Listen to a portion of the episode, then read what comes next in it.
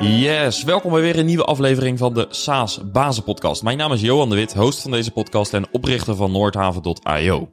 In deze podcast ga ik met SaaS-bazen in gesprek over hun business. En naast deze podcast is er ook een online community voor SaaS-bazen en een tweewekelijkse online meetup waarin we praten over onderwerpen die jou als SaaS-baas bezighouden.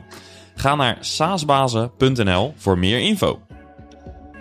Ook deze aflevering van de SaaS Bazen podcast wordt mede mogelijk gemaakt door Leadinfo. Leadinfo is een SaaS-oplossing waarmee je ziet welke bedrijven jouw website bezoeken, wanneer ze dat doen, welke pagina's ze bekijken, hoe lang ze daarover doen en ga zo maar door. Daarmee krijg je beter inzicht in je leads, geef je een boost aan je salesproces en heeft marketing ook beter inzicht in het effect van je marketingcampagnes. Probeer Leadinfo gratis. Ga daarvoor naar leadinfo.com slash saasbazen. Jelle Visser is Chief Commercial Officer bij Value Blue, maker van het SaaS-product Blue Dolphin. Met zo'n 60 mensen werken ze aan het product dat ze vooral verkopen in Nederland en in de VS. En toen ik in contact kwam met uh, Jelle, werd mij één ding meteen heel duidelijk. Jelle ademt SaaS. En met een sterke visie op het ontwikkelen van een schaalbare, gestandaardiseerde oplossing, was hij in staat om het consultancybedrijf dat Value Blue van origine is, om te buigen in een SaaS-bedrijf. En uit talloze voorbeelden weet ik dat dat niet zo vanzelfsprekend is. Veel consultancybedrijven proberen dat. Maar heel vaak uh, blijkt dat toch heel erg ingewikkeld. En vandaag deelt Jelle dus zijn ervaringen. Hij praat over de fases waar hij doorheen is gegaan en hij deelt ook zijn aanpak om enterprise klanten binnen te halen in de Verenigde Staten. Let's go! Ja, Jelle, welkom in de SaaS Bazen podcast. Dankjewel. We gaan het uh, vandaag hebben over jouw uh, business. Uh, maar misschien voordat we dat gaan doen, misschien leuk om eerst een persoonlijke introductie te doen. Um, ik zag in jouw Twitter bio, hoewel je dat volgens mij niet heel fanatiek meer gebruikt, maar er stond uh, zoiets als uh, student in 100 dingen tegelijk. Wat uh, kun je daarover vertellen? dat, dat ik geïnteresseerd ben in heel veel dingen inderdaad. Dus ehm, ik, ik vind het heel leuk om kennis op te doen, om nieuwe dingen te leren. En daar is de SaaS-wereld gelijk wel een hele, een hele goede voor, maar dat uh, klopt inderdaad. Ja. Nou moet ik zeggen dat mijn Twitter volgens mij al tien jaar niet gebruikt is hoor. Dat is echt lang geleden. Nee, maar in principe wat erin staat, dat geldt nog wel hoor Dat ik. geldt zeker. Ja. Ja. Wat zijn een beetje dingen die je op dit moment meest bezighouden? Behalve SaaS, Um, want dat weten we. Ja, behalve, nou, ik ben toevallig uh, nu vier weken geleden met, uh, begonnen met, bij Growth Tribe met een, met een cursus Data Analytics. En dan doe ik twaalf weken cursus om daar meer over te leren. Niet zozeer omdat het nou per se nodig is voor mijn werk, maar omdat ik er meer vanaf wil weten. Um, ja, wat, wat nog meer? Ik, ik, ik, ik ben heel recent begonnen met leren golven. Wil ik gaan leren golven, heb ik bedacht. Dus de, daar ben ik nu aan het kijken of ik iets kan plannen voor de zomer. Dus heel random, maar ik vind het leuk om, om trainingen te volgen, om te leren en om, om dingen te snappen. Ja, precies. Ja, dus uh, uh, in ieder geval heel nieuwsgierig en uh, al ja. altijd, altijd wel bezig. Um, ja, en je bent pas vader geworden, dus uh, Klopt. Dat, uh, dat kost ook tijd, kan ik me zo voorstellen. Ja, moet je ook heel veel leren trouwens. echt ja. een snelcursus. Ja. Dus is nu vier maanden, gaat goed. Dus ja. dat, uh... Alleen er zijn niet echt boekjes en cursussen voor, denk ik. Hè? Althans, ze zijn er wel. Ze zijn er denk ik heel veel, maar ik vraag maar, me af. Ja, als het in het echt is, is het totaal anders. Ja, precies. Gelukkig is dat bij SaaS ligt dat volgens mij wel iets dichter bij elkaar. Ja. Um, ja, oké, okay, helemaal goed. Ja, leuk. Um, ja, nee, ik, ik, zei al, we gaan het vooral natuurlijk hebben over de business. Um, en uh, de business is uh, Value Blue. Uh, de bedrijfsnaam. kun je daar eens wat over vertellen? Wat, wat doen jullie en welk probleem lossen jullie op? Ja, nou, bij Value Blue zijn we in 2011 begonnen. Initieel als een, als een consultancybedrijf. En toen in 2014 hebben we een product op de markt gebracht. Dat product kwam, kwam voort uit onze consultancy werkzaamheden. we leverden dienst op het gebied van enterprise architectuur, procesmanagement. Uh, en wat dat is, om, om een beetje achtergrond te geven voor de mensen die het niet weten. Uh, maar in de basis kun je, een, kun je dit best vergelijken met echte architectuur. Dus een, een bedrijf als, als een huis die je wil verbouwen om dichter bij doelstellingen te komen. Dus een bedrijf wil zijn review laten groeien of die wil online business kunnen doen. Dan moet je dingen veranderen. Nou, dat kun je samenvatten over de assen van de processen die je moet aanpassen. De applicaties en technologie die je nodig hebt om die processen te kunnen ondersteunen. En de data. En om dat te kunnen doen, wil je eigenlijk weten van, nou, hoe zitten al die dingen nu in elkaar? Dus welke processen, applicaties, eh, data, infrastructuur hebben we? En wat moeten we nou veranderen om, om onze business beter te laten lopen in de toekomst? En dat kun je ontwerpen. En daar zitten scenario's achter, scenario planning. Je wil analyses kunnen doen. Waar zitten mijn sterktes en waar zitten mijn zwaktes?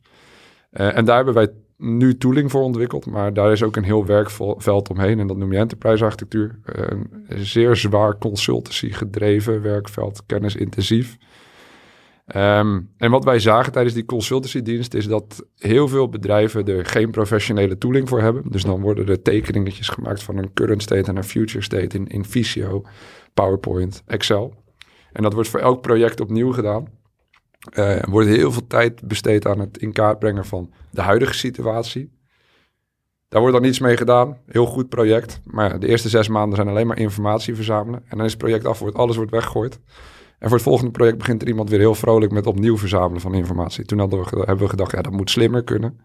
Dus je wilt een soort centrale repository hebben waar je al die informatie in kan stoppen. En voor elk project wat je doet, eigenlijk die informatie kan recyclen. Uh, om daar ja, meer inzichten uit te gaan halen. En dat je, dat je eigenlijk compounding gaat doen. Dus dat je steeds meer informatie gaat verzamelen. Nou, dat, dat is wat ons product is geworden. Ja, dus eigenlijk in uh, mijn dummy taal zou dat uh, bepaalde templates zijn of frameworks. Uh, hoe een bepaalde bedrijfsstructuur eruit ziet bijvoorbeeld. Een businessmodel. Ja. En bij het volgende project kunnen jullie dat ook weer gebruiken. Dat was dus voor jullie consultancypraktijk om die efficiënter te laten lopen. Mm -hmm. Of boden jullie die software meteen vanaf het begin af aan al aan als SaaS voor je klanten? Nee, nee, dus in het begin leverden we echt consultancy en dan gebruikten we wat de klant had. Dus als dat een PowerPoint plaatje was, dan gingen wij verder werken aan PowerPoint plaatjes. Soms was er iets professionelere tooling in, place, maar zag je dat die onwijs complex was om te gebruiken voor de gemiddelde persoon. Um, en vanaf 2014 zijn we gaan, gaan bedenken van ja, wat, wat kan er beter? Wat kan er beter op de manier hoe het nu gebeurt? En in 2015 hebben we eerste klant opgetekend op, op Blue Dolphin. En Blue Dolphin is dus echt SaaS software waarin je de huidige situatie, dus hoe ze het met bedrijf nu in elkaar kunt modelleren en vanaf daar kunt plannen hoe je hem wil laten veranderen naar de toekomst. Ja, uh, de roots waren dus consultancy uh, vanuit Value Blue. Mm -hmm. uh, uiteindelijk het product Blue Dolphin, dat is echt het SaaS, dat is de SaaS-propositie geworden, wat nog steeds onder de vleugels van Value Blue hangt. Ja, klopt hè? Ja, klopt. Ja. Um, als je nu ons een beetje een, een beeld moet geven van de verhouding tussen consultancy en het SaaS-product, in termen van omzetverhouding bijvoorbeeld? Uh, mm-hmm. Waar moet ik dan aan denken? Nou, allereerst is de focus is volledig op het SaaS-product. Dus het enige waar we op, op, op een report en het enige waar we op plannen is onze. Um, ehm, als ik nu kijk naar de verhouding, denk ik dat die ongeveer op 70-30 ligt. Dus 70% van, van, van het geld wat we verdienen is echt licentie ARR. Uh, en een deel komt nog steeds uit de services die we om het product heen leveren. Maar betekent ook dat we geen losse consultancy diensten meer leveren. Nee, moet ik het dan meer zien dat het bijvoorbeeld een onboarding is en uh, uitleg op, uh, over het product. En niet meer een consultancy traject waarbij jullie toevallig een tool inzetten?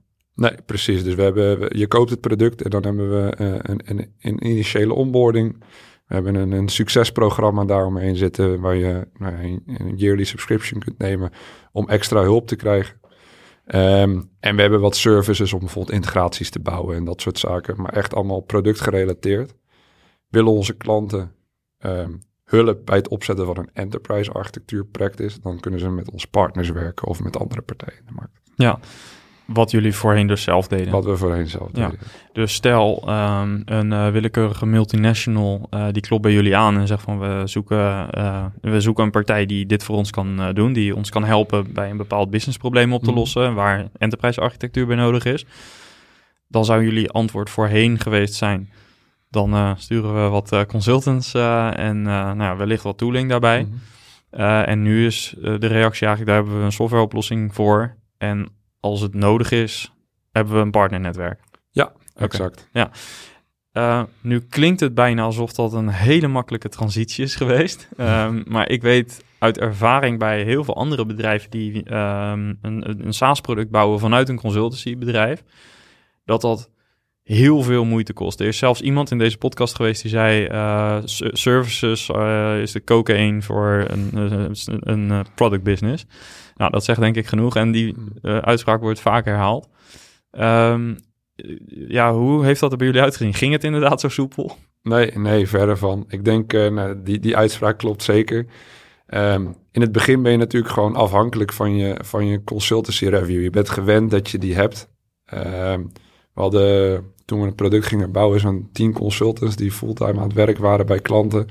Eh, en we hadden in het begin 1, 2, 3, 4, 5 licenties verkocht. Dus dat stond niet eens in verhouding tot elkaar. En we gebruikten de consultancy revenue ook om de ontwikkeling van het product initieel te funden, zodat we geen, geen investment nodig hadden.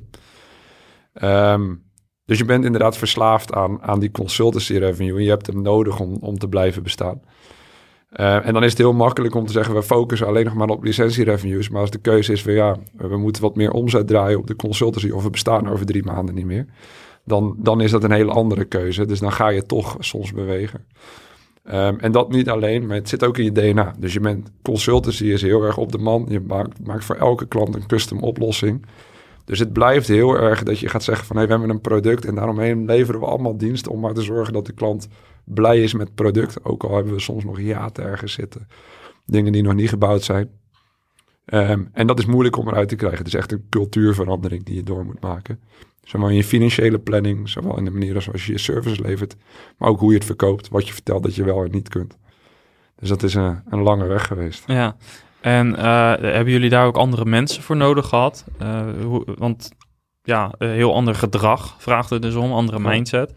Uh, hoe hebben jullie dat op HR-vlak aangepakt?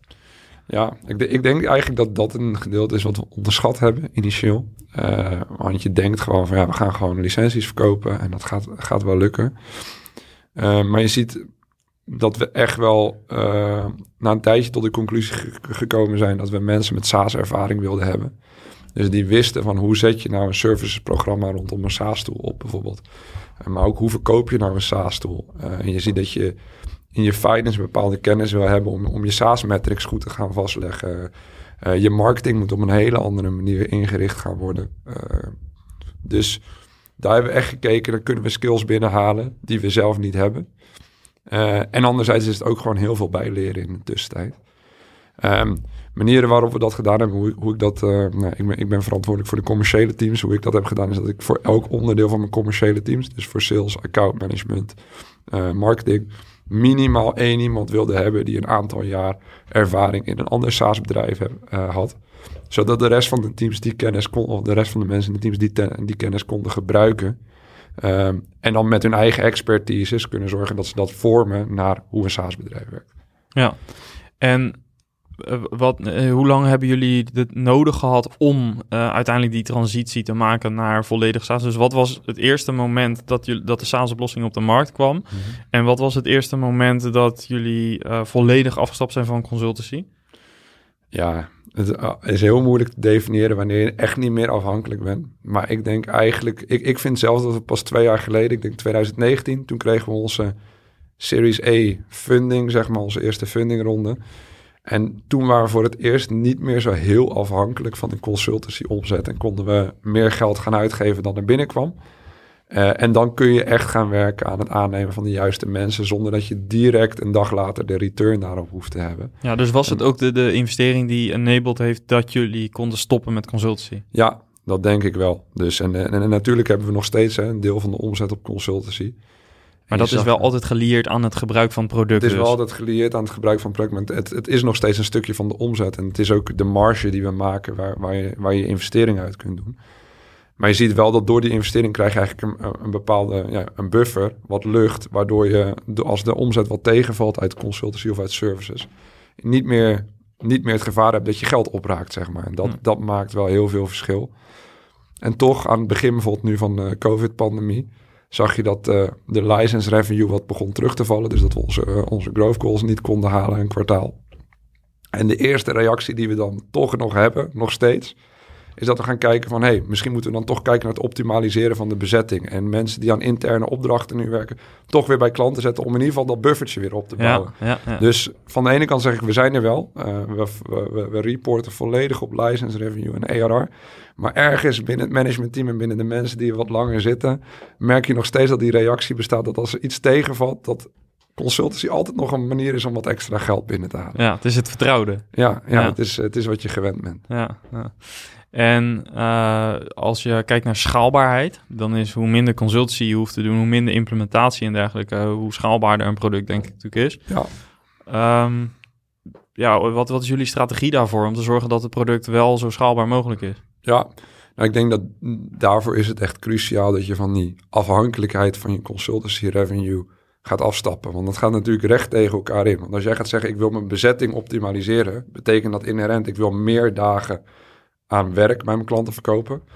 Dus ga je de barrier om je, om je, om je SaaS-product af te nemen, ga je steeds hoger maken. Want je zegt van ja, je moet niet alleen de licentie kopen, maar je moet ook 10 of 20 of 50 dagen uh, services bij afnemen. En dan wordt de prijs twee of drie keer zo hoog dan die al is.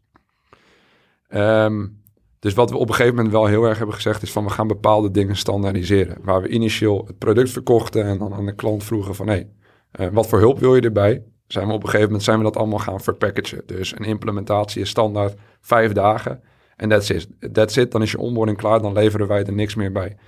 Um, toen hebben we een hele tijd hebben we nog wel uh, op, op afroep hebben we consultancy diensten geleverd. Op een gegeven moment hebben we ook gezegd, oké, okay, we gaan een customer success management practice opzetten. Ja. Waarmee je een subscription neemt, waarbij je niet meer een aantal dagen afneemt. Maar wij gaan, wij gaan gewoon zorgen dat je succesvol bent met het product. En daar rekenen jullie wel iets voor dus? Daar rekenen we wel, dat is een additional fee, maar zie het als premium support. Dus je betaalt een fee waarbij we niet zeggen van we werken x aantal uren. Maar we, we geven jou een bepaalde resultaat. We bouwen samen met jou een, een service delivery plan en een roadmap met de doelstellingen die je hebt. En dat is een additional fee bovenop je licentie, zeg maar. Ja. Um, ja, die dingen hebben wel heel erg geholpen. Want ook om, doordat je dat in place hebt, gebeuren er eigenlijk twee dingen. Enerzijds uh, wordt het veel voorspelbaarder, want het is recurring. Maar veel belangrijker nog, je gaat proactief naar je klanten toe communiceren. Dus waar consultancy toch een beetje reactief is, klant heeft een probleem en pas als het probleem opkomt, dan komen ze naar jou toe van hé, hey, het lukt niet, wil je helpen? Maar dan ben je eigenlijk ben je natuurlijk al een paar maanden te laat. Want dan beginnen er al negatieve sentimenten te ontstaan. En met die services zijn we veel meer in staat om eigenlijk constant aangehaakt te zijn bij die klant. Met ze te praten, hey, waar zijn jullie nu mee bezig? Waar willen jullie naartoe? En daardoor proactief te zeggen van, hey, moet je niet daar eens naar kijken? Of hey, wij denken dat dat een probleem gaat worden. Ja. En, dus, uh, en de customer succes mensen die wij hebben, die, die hebben het al bij 10, 20, 30 klanten gedaan. Dus die kunnen zo'n klant ook echt helpen met de ervaring die ze hebben. En ik denk dat dat een veel betere approach is dan ja. het op afroep. Ja, want bij consultancy gaat het natuurlijk nog steeds om de urenfabriek. Uh, Uiteindelijk vroeg of laat. En hier gaat er zijn, ja, ik noem dat vaak een productized service. Ja. Bijvoorbeeld hè, iets met een fixed scope vaak. Uh, fixed timeline, zo'n programma. Uh, onboarding programma vaak. Custom succes dan meestal geen timeline, denk ik. Ja. Um, maar als je inderdaad heel veel zaken fixed kan maken, dan wordt het meer een productized service. Wat ook ja. Uh, ja, uiteindelijk meer gecommit is aan een klant, uh, aan het resultaat wat de klant haalt, dan dat je uren verkoopt. Ja, dat, ja, is, dat, dat is, het, dat is het grote verschil. En, en daarmee, want, want zelfs onze customer success service hebben we wel echt timelines en verschillende activiteiten in de tijd weggezet die je moet doen. Uh, deliverables die je moet opleveren. Dus het is ook, uh, omdat je het standaardiseert, kun je er ook beter op itereren. Dus je, het, het, wordt een product en een product kun je elke keer beter maken. Ja. Terwijl consultancy ben je volledig afhankelijk van de persoon die op dat moment jou helpt. Um, en ik denk dat dat heel sterk is. Um, ja, en, en, en wat je ook ziet is dat um, je sales en marketing effort wordt er anders van. Op het moment dat jij maar steeds custom services blijft verkopen, verkoop je eigenlijk ook honderd verschillende producten. En dat zullen de meeste mensen die marketing en sales doen bij een SaaS-bedrijf wel werkt. Hoe meer verschillende dingen je moet verkopen, hoe moeilijker het wordt, hoe minder focus je kan hebben. Ja.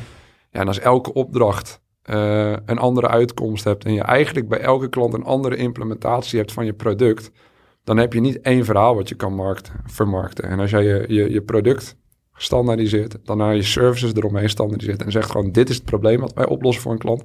En als je dat probleem niet interessant genoeg vindt om ervoor te betalen, dan zijn wij niet de partij waar je mee helpt of waar je mee werkt. Dan wordt het ook veel makkelijker om dat schaalbaar te maken. Ja, en uh, ja, hoe heeft dat proces eruit gezien? Naar, uh, ook aan de marketingkant, want uh, ook daarvoor heb je dan andere mensen in je team gehaald, zei je zelf al. Ja. Um, hoe heb je de organisatie meegekregen? Want het klinkt allemaal nog ja, vrij makkelijk, hè? dus andere mensen aannemen, de message aanpassen. Um, maar ook daar zal je wat lessons learned hebben, kan ja. ik me zo voorstellen. Ja, nou, wat, wat we heel erg hebben moeten leren is dat we um, keuzes gingen maken in wat we wel en niet doen. Um, dus toen we in 2014 het product uitbrachten, toen was er geen marketing eigenlijk. We waren echt een salesorganisatie die consultancy verkocht. Er was een website en, en dat was het. Ja, dus eerst zijn we eigenlijk begonnen met het, met het bouwen van een, een lead generatiemachine. Um, En dan kom je er vrij snel achter dat als je lead generatie machine wil bouwen, dat, dat klinkt heel simpel. Dan kom je op het stuk wat de meeste SaaS-bedrijven ook zullen kennen, maar van we willen uh, marketing qualified leads gaan genereren. Vanuit daar moeten de sales qualified leads komen, het hele funneltje. Dan wil je kanalen gaan opzetten. Maar op een gegeven moment kom je op het punt dat je moet gaan definiëren wat, wat is nou een marketing qualified lead eigenlijk? Wat betekent dat nou echt? Dus wanneer is iemand dat wel en wanneer is iemand het niet? Um, en dan ga je heel erg kijken van het moet iets betekenen over of ze geïnteresseerd zijn in je product of niet. Een urgentie moet er, moet een bepaalde urgentie moet er zijn. Uh, en je kunt wel allemaal content over allemaal, allerlei verschillende onderwerpen. En je kunt je consultants allerlei blogs laten schrijven over de meest random dingen die heel licht tegen je product aanraken. Maar wat je dan merkt is als je dat allemaal gaat rekenen, elke download als een, als een marketing qualified lead, dat 90% daarvan of 99% daarvan nooit gaat converteren. Dus op een gegeven moment loop je er tegenaan dat het niet stopt bij marketing, maar het begint, eh, je, je komt echt richting het product ownership aan. En dat je keus gaat maken, oké, wat zijn nou echt de solutions die wij leveren? En wat leveren we niet? En dat zijn best wel, dat, is, dat heeft eigenlijk het langst geduurd. Dat je keuzes gaat maken van dit is het wel. En als een klant dit niet wil, dan, wordt, dan gaan we het ook niet leveren. Of als de klant vraagt van doen jullie dit ook en doen jullie dit ook? Ja, je eerste reactie is altijd ja zeggen. Je wilt verkopen, je wilt die klant graag binnenhalen. En dan denk je, ja, als we even, even dit stukje bijbouwen... of als we die consultant daarin zetten... die heeft een templateje bedacht hoe je dat toch kan doen. Ja, en dat... Ik denk dat dat heel veel effort heeft gekost om dat te doen. En, en ik denk de manier hoe we dat uiteindelijk bereikt hebben... is toch om het op papier te zetten. Dus om een, om een messaging deck te gaan bouwen... waarin je precies beschrijft van... Hey, dit is wat we wel leveren. Dit is hoe onze solutions samenhangen... Uh, dit is wat we leveren en dat met de hele organisatie te gaan delen. En dan vanuit daar ga je dat ook op je website zetten. Ga je dat uh, in al je marketingcampagnes meenemen. En uiteindelijk hebben we onze hele marketingstrategie ook geproductized. Dus elke marketingcampagne is op een van onze zes solutions geënt. Op die solutions verzamelen we leads. Die gaan in de funnel. Dan weten we op het moment dat we een sales qualified lead geven, krijgen, waarin we een demo van het product gaan geven, weten we al welke solutions we moeten demoen. Ja. En vanuit daar gaan we het ook verkopen. Dus je gaat een gestandardiseerde funnel krijgen in plaats van een hele diffuse funnel waarin we honderd verschillende dingen verkopen. Ja, en als je dan kijkt naar die, uh, die verschillende, ja, je noemt het solutions. Het klinkt mhm. ook een beetje als use cases, hè, dat je daar keuzes in moet maken. Uh, dat, dat, dat klinkt ook heel logisch. Uh, aan de andere kant, uh, jouw doelgroep, die kan misschien best wel een grote verscheidenheid hebben in nou, de allerlei verschillende use cases. Hè? Want ik kan me zo voorstellen dat elk bedrijf heeft toch weer iets andere. of die beschrijft zijn probleem al anders. Mm waarbij je bij consultancy, bij consultative selling alleen al, kun je heel veel uitvragen en ja, daar kun je alle kanten mee op. bij het product minder. Hebben jullie uh, heeft dit ook niet gezorgd dat er een bepaalde, uh, ik noem dat vaak ook een soort van uh, schaarste mindset is. Dat je denkt van ja, maar dan missen we heel veel kansen. Ja. Mo moesten jullie daardoor heen ook? Ja, zeker. Dus, ehm, en dat, dat merk je de, het eerst aan de marketingkant. Um, dus ik heb in het begin heb ik gewoon gezegd, we hebben een aantal werkgebieden waar wij in opereren. Die, de, de hoofd, het hoofdwerkgebied is enterprise architectuur. En daaromheen zitten wat dingen zoals bijvoorbeeld data management zitten heel dicht tegenaan. En procesmanagement op een gegeven moment heb ik gezegd, oké, we gaan er vijf uitkiezen. En that's it. We gaan vijf termen en daar gaan we al onze marketingcampagnes aan ophangen. En dat zijn ook de use cases die we dan ondersteunen. Kun je natuurlijk niet alleen vanuit marketing doen, want dan moet, moet je met het hele team moet je het er eens zijn van dat is ook echt de solution die we willen leveren. Um, maar dat betekent ook dat we op een gegeven moment gezegd hebben, bepaalde dingen doen we niet meer. Dus een van de dingen die wij uh, een, een, tijd geleden nog deden, was het ondersteunen bij een cloud migratie. Dus echt een soort, met, dat noemden we cloud assessment. Ja, dat hebben we eigenlijk volledig afgeschreven. Dat was wel iets waar we uiteindelijk uh, eh, 50 projecten op hebben gedraaid, die bij elkaar, denk ik, bijna een half miljoen aan omzet hebben opgeleverd. Dat is best wel een pijnlijke beslissing om te zeggen, oké, daar gaan we geen effort meer in steken en we gaan focussen op wat we wel kunnen. Tegelijkertijd ontkom je er niet aan, want om je heen beginnen ook steeds meer concurrenten op te poppen. We hebben een aantal concurrenten die zichzelf maar op één van die use cases volledig uh, focussen. Ja. Ja, als jij dan twintig dingen moet... Je kunt niet in dezelfde tijd twintig solutions ontwikkelen die net zo goed zijn als die ene solution waar een partij zich op volgt. Dus je moet je beperken om competitief te kunnen blijven. Ja, en je moet dus comfortabel worden in het alleen richten op perfect fit. Ja. En workable fit is eigenlijk al een no-go. Zeg ja. Dus al zou het mogelijk kunnen werken met wat tweaks, dan zeggen jullie zeiden jullie misschien in het verleden van, nou ja, dat kan. En nu zeggen jullie van, nee, dat doen we. Doen, het kan misschien wel, maar we doen het niet. Ja, dat is het verschil. Dat is het grote verschil. Dat je, eigenlijk eerlijker gaat zijn over wat echt goed werkt en wat niet. En dat blijft moeilijk hoor. En nog steeds moet je, moet je daar elke keer weer op letten dat je er niet te ver van af gaat wijken van wat die solutions zijn. En dat je zegt, ja, maar als we deze tweak hebben, dan hebben we echt een hele mooie klant. Ehm, dat is de discussie die je ongeveer 100 keer per maand voert. Ja. En wat is jouw Eh. kompas daarbij, bij dat soort discussies? Ja, ik, ik zit heel erg aan de kant dat willen we schaalbaar worden, dan moeten we standaardiseren. Dus ik zit altijd extreem erg aan de standaardisatiekant. Ehm, omdat omdat eh, je ziet, de, de, de, de vraag voor meer komt altijd vanuit sales en de vraag voor minder komt altijd vanuit marketing. Dus marketing die wil heel duidelijk hebben, hey, dit is waar mijn content over moet gaan, dit is waar mijn campagnes over moet gaan. Volgens komen die leads bij sales terecht en sales zegt, ja, maar die klant wil ook één ander dingetje en als we dat kunnen leveren en de Dan gaat de deal door. dan gaat Ja, de deal ja, door. Ja. Dus zij willen weer meer. Ja, dan zit ik toch iets meer met qua mindset aan de marketingkant. Dat ik zeg van als we, als we door willen groeien, kunnen we niet voor al die, op, op al die aanvraagjes eh, reageren.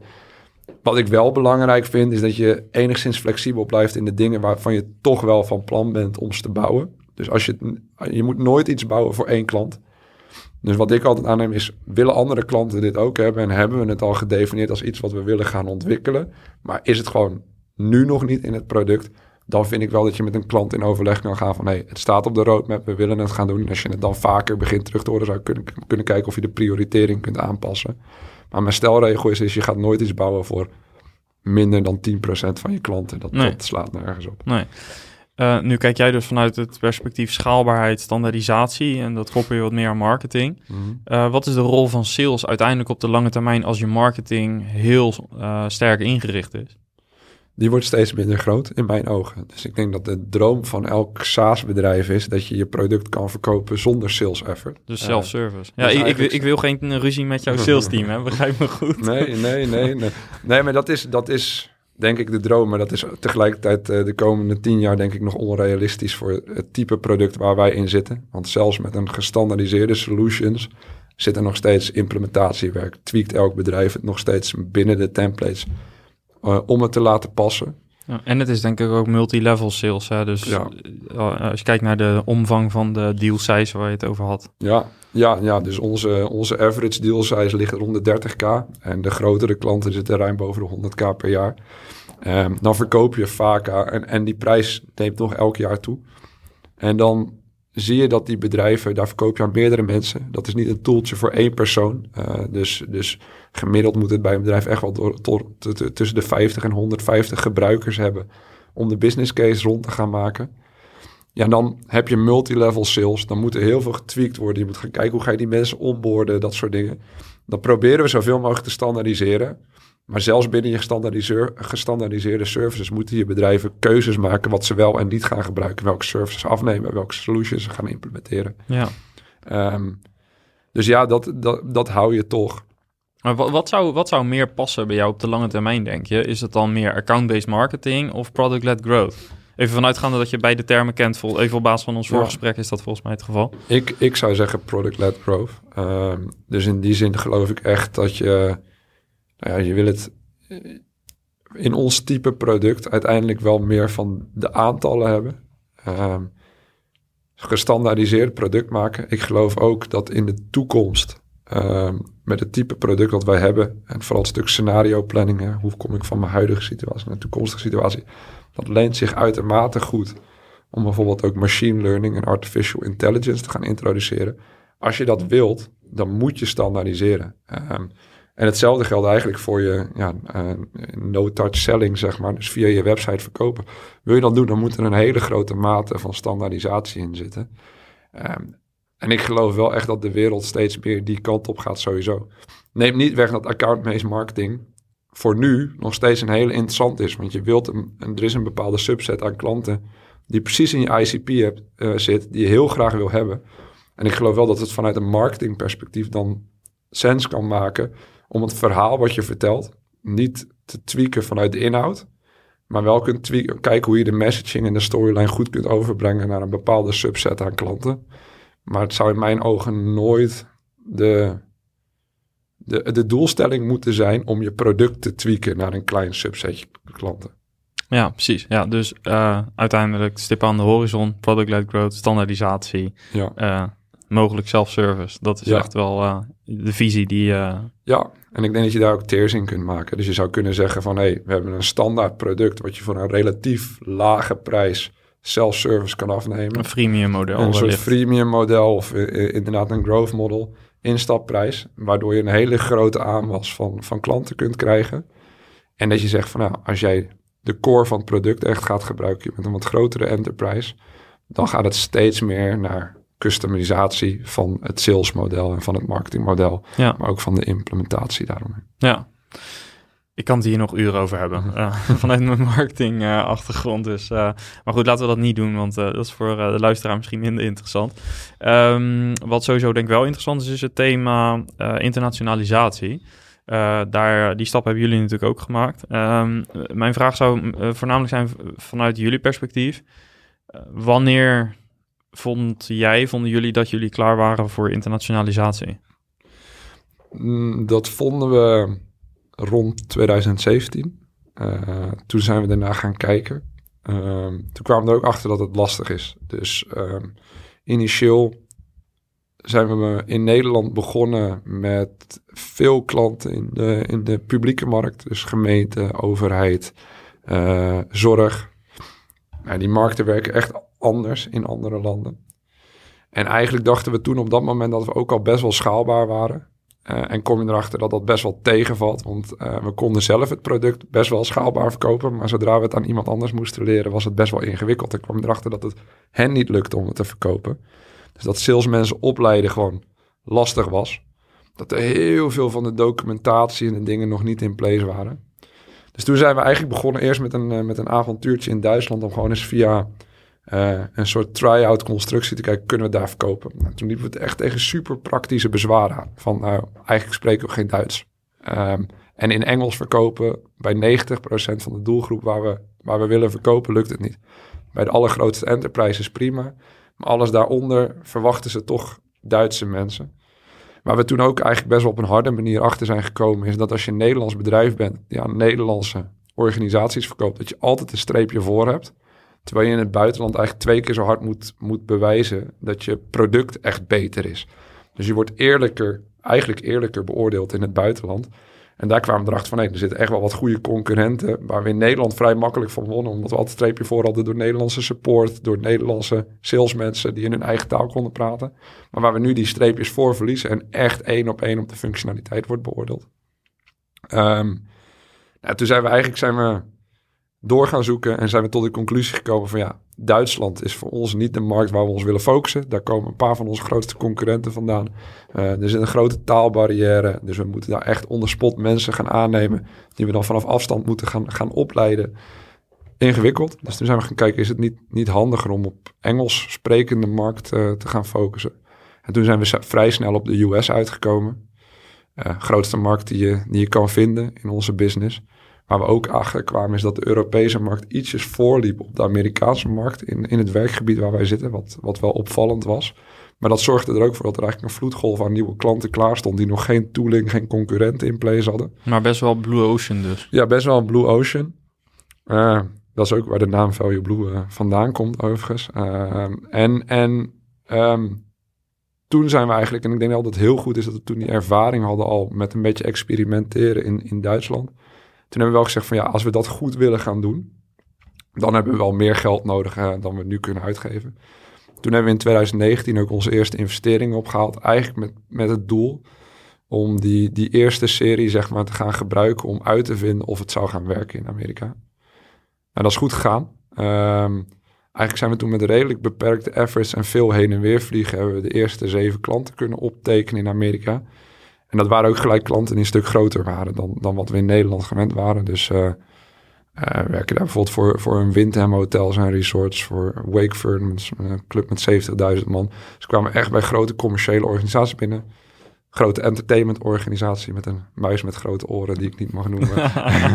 uh, dat was onze eerste klant. Goed dat is gelijk, de, gelijk, gelijk een van de grootste ter wereld die je kan pakken. Uh, en die waren letterlijk via de marketing funnel binnengekomen. Dus die, hadden, die hadden gegoogeld op architectuur plus procesmanagement in één tool. Kwamen op onze website, hebben een formulier ingevuld. Op dat moment was ik toevallig net in de US. Ik ben heen gevlogen. En drie maanden later waren ze een klant met een getekend contract. Dus dat was uh, het ideale scenario. Dus het was eigenlijk een hele positieve test. Toen hebben we alles klaargemaakt om, uh, uh, om eind 2019 naar New York te gaan. Toen ben ik daar eerst vooruit heen gegaan. Ehm, heb daar alles opgezet, de entiteit, gezorgd dat we daar zaken konden doen. lead generatie opgezet. En toen waren we alles stond klaar om te gaan hiren en mensen daarheen te sturen begin 2020. Maar toen veranderde de wereld een beetje en konden we niet meer heen en weer vliegen. Wat eigenlijk alles vertraagd was. Toen hebben we ook besloten van ja, gaan we nou dwars door deze pandemie, waar we niet echt weten wat ook de effect op, op, op het koopgedrag van bedrijven gaat zijn, maar ook waar het heel moeilijk wordt om on spot mensen aan te nemen, gaan we dat, gaan we dat er doorheen duwen uh, met het risico dat je geld straks op is en dat je het niet bereikt hebt wat je wilt bereiken. Uh, dus dat hebben we toen uitgesteld. En eigenlijk zijn we nu uh, op dit moment bezig om, om de teams in Amerika echt te gaan hiren om daar verder te groeien. Ja. Bijkomend positief voor, voordeel van de, van de pandemie was wel dat we sowieso online business deden. Dus dat we eigenlijk in Amerika gewoon door zijn blijven gaan met wat we aan het doen waren. En in de tussentijd een heel aantal klanten hebben kunnen optekenen erbij. Dus we komen daar nu wel aan en we gaan een team underground hiren met eigenlijk al een hele mooie base aan bestaande klanten. Ja. Hoe verklaar je dat vroege succes in de States? Want er zijn heel veel salesbedrijven die het proberen, maar ja, met wisselend succes. Ja, nou ik denk... Uh, Uiteindelijk is het uh, een beetje geluk, denk ik ook, zeker. Uh, dat, dat die eerste grote klant zo binnenkwam, dat is daarna ook bijna niet meer op zo'n mooie manier in het funneltje elke keer gelukt. Um, maar tegelijkertijd denk ik ook wel dat heel belangrijk is, uh, we, hebben een product wat een niet beschrijft in de markt. Dus het is niet een product wat leuk is om erbij te hebben of waar je hele leuke dingen doen. Met zo'n product wat, je, wat heel veel bedrijven ineens heel snel achterkomen van we moeten echt iets doen om die transformatie die we doorgaan, om dat te structureren. Um, en vaak komen ze daarachter op het moment dat ze een heel groot transformatieproject voor de boeg hebben. En er dan achter komen dat ze er totaal niet uitkomen en vastlopen. Um, en dat maakt wel echt een verschil, denk ik, met een leuk product hebben, maar niet zeker weten dat je klanten het echt nodig hebben. Um, en wat ik daarnaast ook denk, is dat ja, je moet je marketingmachine, die moet wel kloppen. Dus je kunt niet naar Amerika gaan en dan denken van ik ga daar onder spot wel proberen om mijn, mijn, SEO uh, op orde te krijgen. Ik ga daar eens proberen om een, om een nieuwe website te bouwen, dat soort zaken. En er waren echt nog honderd dingen die beter konden op dat moment. Maar het feit dat ze ons konden vinden op Google en dat ze uh, een formuliertje konden invullen en dat ze binnen 10 seconden werden teruggebeld, dat soort simpele basisdingen. Uh, het feit dat er content uitgezet werd, dat, dat hielp heel erg. Um, en ik denk wat wij, ook, uh, wat wij ook als groot voordeel hebben, is dat we uh, sinds een jaar of twee in, uh, dit, dit wordt het derde jaar in, in de Magic Quadrant voor Enterprise Architectuur Tool staan. En dat heeft sinds we daar voor de eerste keer in staan de, de, de business ook wel echt geboost. Want dan krijg je ja. eigenlijk overal over de wereld is een hele mooie markt. Ja, en dan dat zorgt er vaak ook voor dat consultancybedrijven je ook durven aan te bevelen. Ja. Tot die tijd is dat vaak een beetje lastig. Ja, ja, zeker. Ja, en dat is, dat is ook gelijk ook de volgende uitdaging. Dan kom je eigenlijk op je partnermodel. Uh, want op het moment dat je zelf consultancy levert, dan nemen je partners eigenlijk een deel van je omzet weg. Ja. En als je dus daar afhankelijk van bent, heb je eigenlijk een hele, hele moeilijke relatie met je partners. Want van de ene kant wil je heel graag dat ze je aanbevelen en dat ze je helpen. Maar van de andere kant wil je eigenlijk niet dat ze te veel consultancy leveren, want dan hebben wij die omzet niet meer. Daar hebben we in het begin veel last van gehad. Um, nu veel minder, omdat we niet meer afhankelijk daarvan zijn. Um, alleen we zijn nog steeds eigenlijk zoekende van hoe zet je nou een goed werkend partnermodel, hoe zet je dat op? Uh, ja. Want je wilt dat zij door het gebruik van onze tool meer klanten binnenhalen of meer, meer revenue genereren. En dat, dat onze klanten door het gebruik van die consultancy partners meer waarde uit het product halen. Daardoor gaan upsellen, crosssellen. Uh, uh, dat de retention hoog blijft. Um, ja, terwijl aan de andere kant, ik voel daar ook wel een spanningsveld. Want met de tool, met de software zelf, wil je juist eigenlijk... Uh, hebben jullie geprobeerd om je eigen consultancy min of meer overbodig te maken? Ja. Dus in principe zou jullie pitch zijn met onze software en aanvullende diensten. Uh, dus bijvoorbeeld zo'n onboarding uh, wat je noemde, customer succes. Mm. Dat zou eigenlijk het complete plaatje moeten zijn. Ja, ja dat, is, dat, is, dat is een spanningsveld. Dus van de ene kant zeg je tegen je klanten, want we leveren een tool waarmee je zelf je enterprise architectuur kunt Ja. gaan inrichten. En aan de andere kant zeg je, ja, we hebben een partnernetwerk en die kun je, kan jou daarmee helpen. Ja. Ehm, dus de uitdaging is ook dat je heel erg duidelijk gaat maken met die partner, maar wat lever je dan extra bovenop de tooling, wat waardevol is van de klant.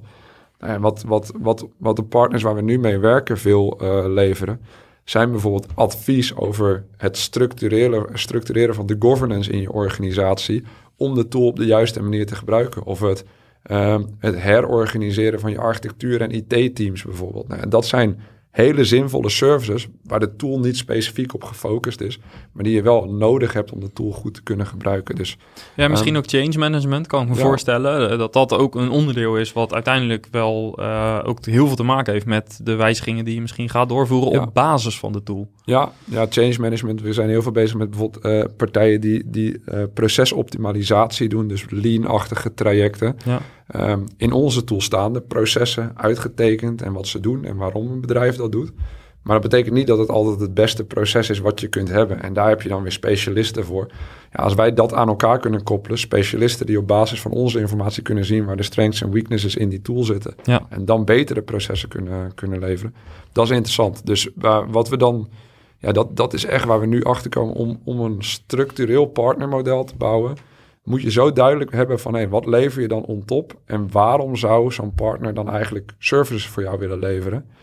Uh, ik denk dat we daar nu best wel goed uit zijn. En dan is de volgende stap ook een, een structurele revenue stream voor hun gaan, gaan genereren. Want als je dat niet doet, dan is de aandacht ook heel snel weer weg. Dus Ja. dat je een partnercontract tekent. We gaan dit jaar tien klanten doen, maar na zes maanden is er nog geen één gezamenlijke opdracht.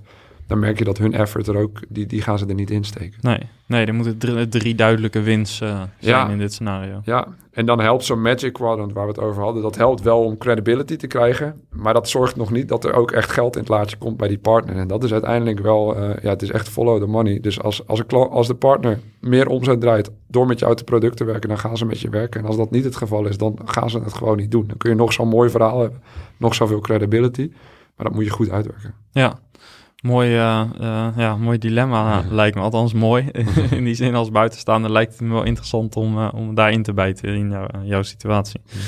Ehm, wat ik ook leuk vind is om nog even te hebben over die organisatieveranderingen. Je gaf al aan, je moet andere mensen gaan aannemen als je eh, de transitie eh, inzet van eh, consultancy naar SaaS.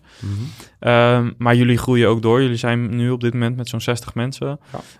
Dus je hebt verschillende fasen meegemaakt. Ehm, ja, wat zijn de belangrijkste verschillen in die fase? En, en waar liggen steeds de omslagpunten? Bij hoeveel mensen? Of in, bij wat voor structuren?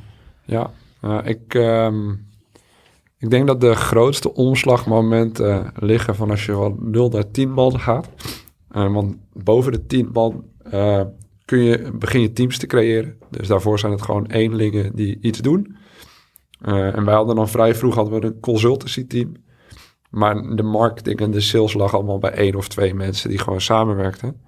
En vanaf 10 naar 25 man ben je eigenlijk disciplines aan het genereren. Dus iemand die echt marketing doet, een paar mensen die echt sales doen. Ehm, dan van 25 naar 50 was voor ons echt een hele grote omslag. Enerzijds omdat dat ook tegelijkertijd echt die omslag van consultancy naar SaaS was. Waarbij we eigenlijk een beetje een oversized consultancy team hadden. En dan een heel klein dev en commercial team erbij. Ehm, ja, in, in die fase moet je echt op zoek naar die schaalbaarheid. Dus daarvoor is het echt een beetje tweaken en vinden van hoe kunnen we gewoon klanten binnenhalen en hoe maakt niet zo heel veel uit. Maar daarna wil je een soort machientje opbouwen. En dan ga je ineens nadenken, hey, welke rollen moeten er eigenlijk binnen marketing allemaal bestaan om, eh, om, om een lead generatiemachine machine op te zetten. En dan kom Ja. je al heel snel van, je hebt, een graphic designer of een webdeveloper of een externe partij waar je dat mee doet, heb je nodig. Eh, maar je hebt ook een campaign specialist nodig. Je hebt iemand nodig die zich met content maakt.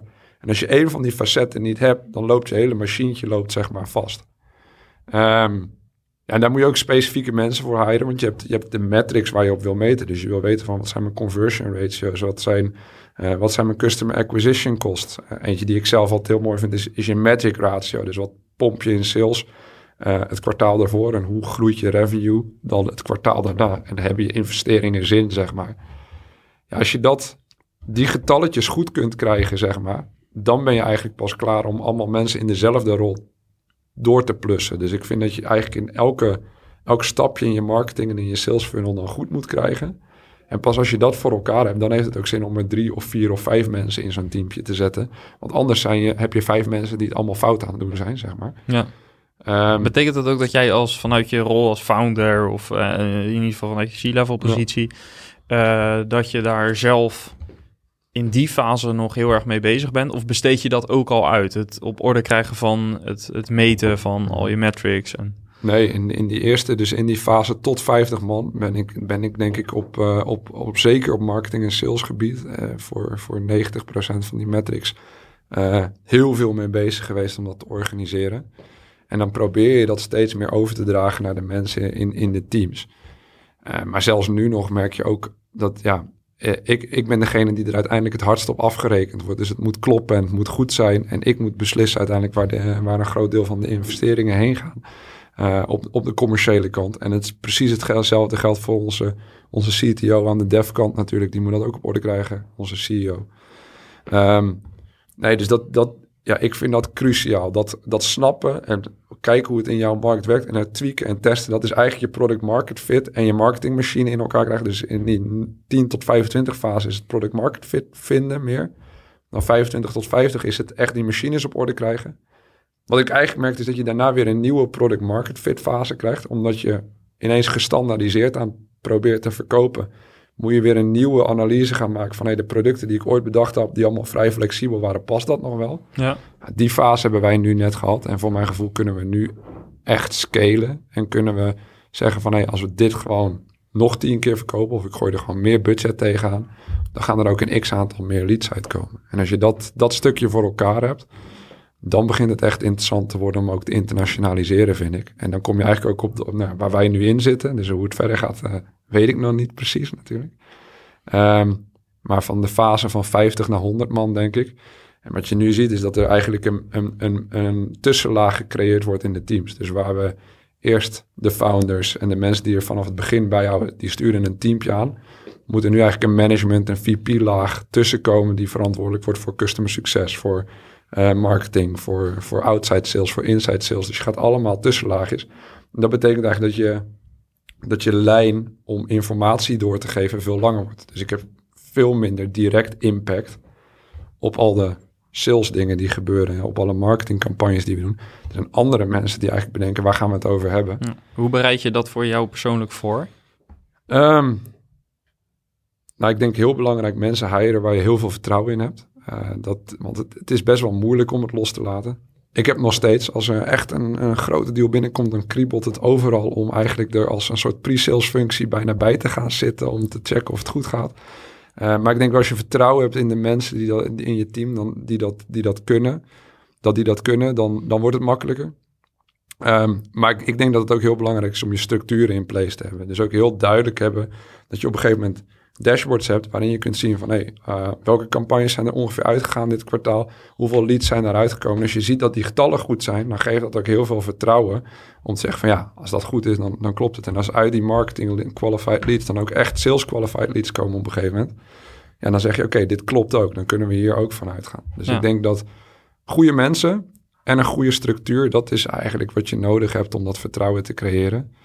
En dan is het ook nog steeds, het blijft wel een stap in diepe. Je moet wel gewoon, je moet wel loslaten op een gegeven moment dat je niet alles zelf binnen kunt halen. Ja, ja je gebruikt het woord uh, vertrouwen creëren en ook uh, vertrouwen hebben in de mensen. Uh, maar aan de andere kant hoor ik je ook heel duidelijk zeggen, je metrics op orde hebben. Dus stuur op je dashboard. Als je dashboard ja. hebt, de dashboard vertelt je de waarheid. Hè? Dus ja. die vertelt waar je naartoe gaat.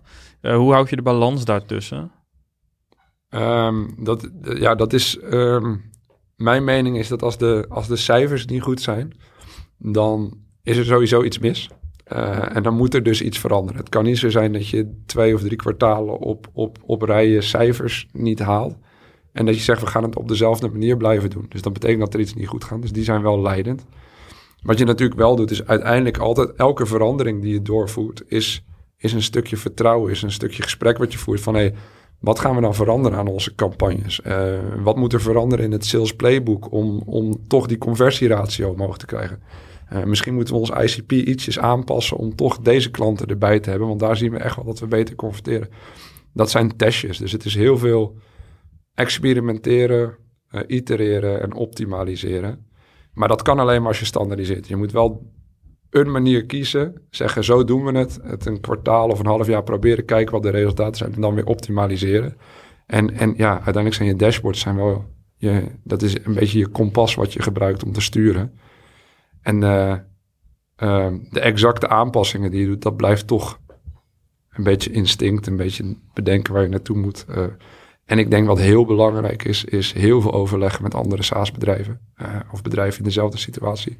Ik probeer minimaal één keer per maand uh, met een ander SaaS-bedrijf af te spreken. Met, met een rol die gerelateerd is aan mijn rol of, of juist helemaal niet.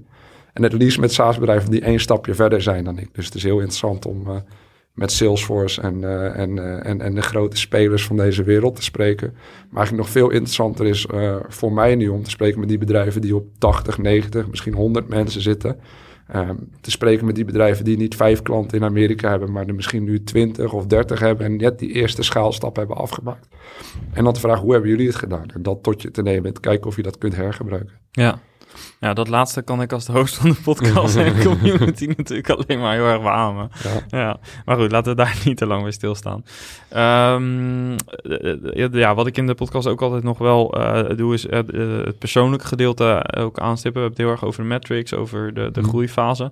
Um, maar tot slot ben ik benieuwd naar jou persoonlijk. Um, wat zou jij zelf uit, um, ja, als ik het avontuur mag noemen, uh, maar wat zou jij zelf uit je werk, uit, uit de komende groeiperiode willen halen? Wat is voor jou belangrijk? Goeie vraag. Um, nou, we begonnen de podcast eigenlijk met dat ik het heel leuk vind om nieuwe dingen te leren. En wat ik echt fantastisch vind aan een start-up slash scale-up, is dat je in dezelfde positie kan zitten, maar elke drie maanden heb je een compleet andere baan. Uh, en die baan is vaak ook gewoon een snelcursus van dingen leren. Uh, met hoeveel mensen je ook spreekt en met uh, hoe, hoeveel blogjes en podcasts je ook, ook leest en luistert. Uh, en je moet het altijd zelf gaan uitvinden. Er is niemand die precies jouw bedrijf heeft. Dus je bent constant in een soort snelcursus waar je te weinig tijd hebt en te weinig resources mee aan het leren van hoe ga ik toch fixen dat die omzet omhoog gaat. Hoe ga ik toch uh, fixen dat die klanten geholpen zijn of dat we dat segment gaan bereiken. Um, en dat is eigenlijk ook wat ik eruit wil halen. Dat je, dat je constant uitgedaagd wordt. Dat je nieuwe dingen leert. Dat je heel veel uh, nieuwe toffe bedrijven en mensen leert kennen die super inspirerend zijn. Um, en dat is voor mij wel de reden om, om, om in een scale-up of een start-up te gaan werken. Um, en ik denk ook het gevoel dat het iets van jezelf is. Dus dat je echt bezig bent met iets bouwen en dat je niet per se voor iemand werkt uh, in die zin. Daarvoor hoef je echt niet de founder te zijn. Ik ben ook niet de founder van Value Blue. Um, maar ik voel me wel echt onderdeel van degene die verantwoordelijk zijn voor het succes van het bedrijf. En als je ja. dat gevoel hebt, en dan uh, voelt het een. Uh, ik heb net een kindje, dus ik zal niet zeggen dat het hetzelfde is.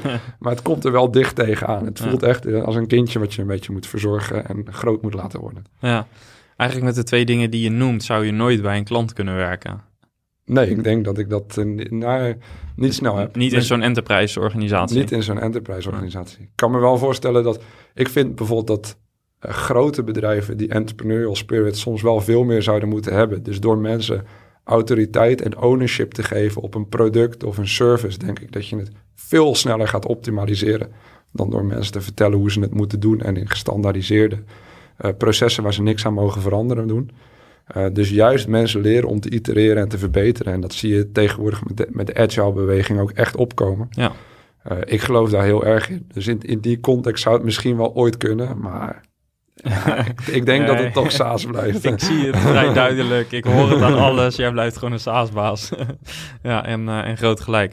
En uh, ja, ook uh, super gaaf om dat te horen. En ook om het, ja, zowel die leercurve die je beschrijft, dat zie ik natuurlijk bij heel veel SaaS-bazen. Dat is natuurlijk ja. ook wat de dynamiek erin houdt. En inderdaad, uh, ja, ik host dan deze podcast, maar je kunt alle podcasts luisteren, maar voor jezelf. Uiteindelijk, je moet ook dezelfde beslissing nemen naar welke podcast of welk advies luister je wel ja. en welke niet. Dus dat blijft toch uh, altijd wel echt uh, bij jezelf liggen, denk ik. Ja, ja, ja. en je moet ze tweaken. Je bent, um, en waar ik bijvoorbeeld achter kom, kwam, is dat um, de hele klassieke funnel van marketing qualified lead, sales qualified lead uh, klant die werkte niet bij ons. Dus ik heb er een paar tussenstapjes ingezet. En iets wat ik geïntroduceerd heb bij ons is, dat heet campaign members. Dat is eigenlijk de scheiding van iedereen die iets downloadt naar mensen die relevant zijn die iets downloaden. En dan vanuit daar naar de accounts waar ze bij zitten. Dus ik heb dat een stukje geherdefinieerd. verder niet super uniek, zullen ook andere bedrijven dat hebben. En dan lees je 10, 20 artikeltjes en dan praat je met een paar mensen. En denk je, ja, dit is het allemaal net niet. Dus uiteindelijk blijf je toch een beetje tweaken. Introduceer je soms wat termen waarvan je er later ook achter komt van... hé, hey, een ander bedrijf heeft daar al een veel mooiere term voor bedacht. Ja, Er is ja. altijd wel iemand die het eerder heeft gedaan. Maar zo probeer je de puzzelstukjes een beetje aan elkaar te knopen... om maar een voorspelbaar model te maken. Eh, maar wel, ja, echt die informatie meenemen van die mensen. Proberen te leren. Ja. Goed je ogen open houden. Nooit denken dat het goed is. Dat, eh, dat is wel belangrijk. ja. Kritisch blijven, vragen blijven stellen. Ja, Ja, Ja. ja. er zijn altijd mensen die het nog beter hebben, hebben bedacht. ja. precies. Alright. Eh, ja, echt eh, super gaaf om de hele transitie te horen. We hadden voorafgaand aan het gesprek, hadden we natuurlijk in de voorbespreking al even over die transitie, dat die zo spannend is en dat Mm. zoveel bedrijven daar best heel erg mee struggelen. En eh, nou, je hebt duidelijk laten doorschemeren dat die struggles er ook bij jullie zijn, maar ja, mag toch ook wel zeggen met de groei die erin zit, als ik het zo zie, eh, dat jullie toch wel een aantal dingen heel goed eh, gedaan hebben. En eh, het is gaaf om dat, om, dat zo te horen, dus dank daarvoor. Ja, dankjewel. Is er tot slot nog iets wat je graag zou willen delen? Wat je misschien een advies wat je zou willen geven of een bepaalde anekdote die je wilt delen voor de luisteraar ter inspiratie? Ehm nee, ik, ik, ehm, goeie vraag, wederom. Ehm ik, ik denk het, advies wat ik zou willen meegeven is inderdaad... ik denk dat uiteindelijk het allerbelangrijkste van het hebben van een SaaS-bedrijf... ehm, is dat je het echt leuk vindt. Dus als jij eh, het alleen maar doet om de allergrootste heel snel te worden... denk ik niet dat gaat werken. Je moet echt geloven in je product. Je moet geloven dat je de bedrijven beter maakt. Je moet het leuk vinden om dat constant te optimaliseren. En ik denk dat als je als je die cultuur zelf hebt, maar die cultuur ook kunt overdragen naar al je teams, dat je een cultuur gaat creëren waar je heel snel mee kan groeien. Eh, om met z'n allen het mooiste product en, eh, en het beste marketing, het beste sales team van de wereld te hebben. Ja, dan, dan, dan ga je er wel komen. Yes, en ben je op zoek naar meer inspiratie? Schrijf je dan in voor de SaaS-bazen Meetup. En luister niet alleen naar het laatste SaaS-nieuws, maar krijg ook een inkijkje in case studies van andere SaaS-startups en scale-ups. En neem zelf ook actief deel aan het gesprek. Ga naar saasbazen.nl en klik op, op Meetup voor meer informatie. Bedankt weer voor het luisteren. Laat een review achter om ons te helpen om de podcast steeds beter te maken. En hopelijk tot volgende week. Bye bye.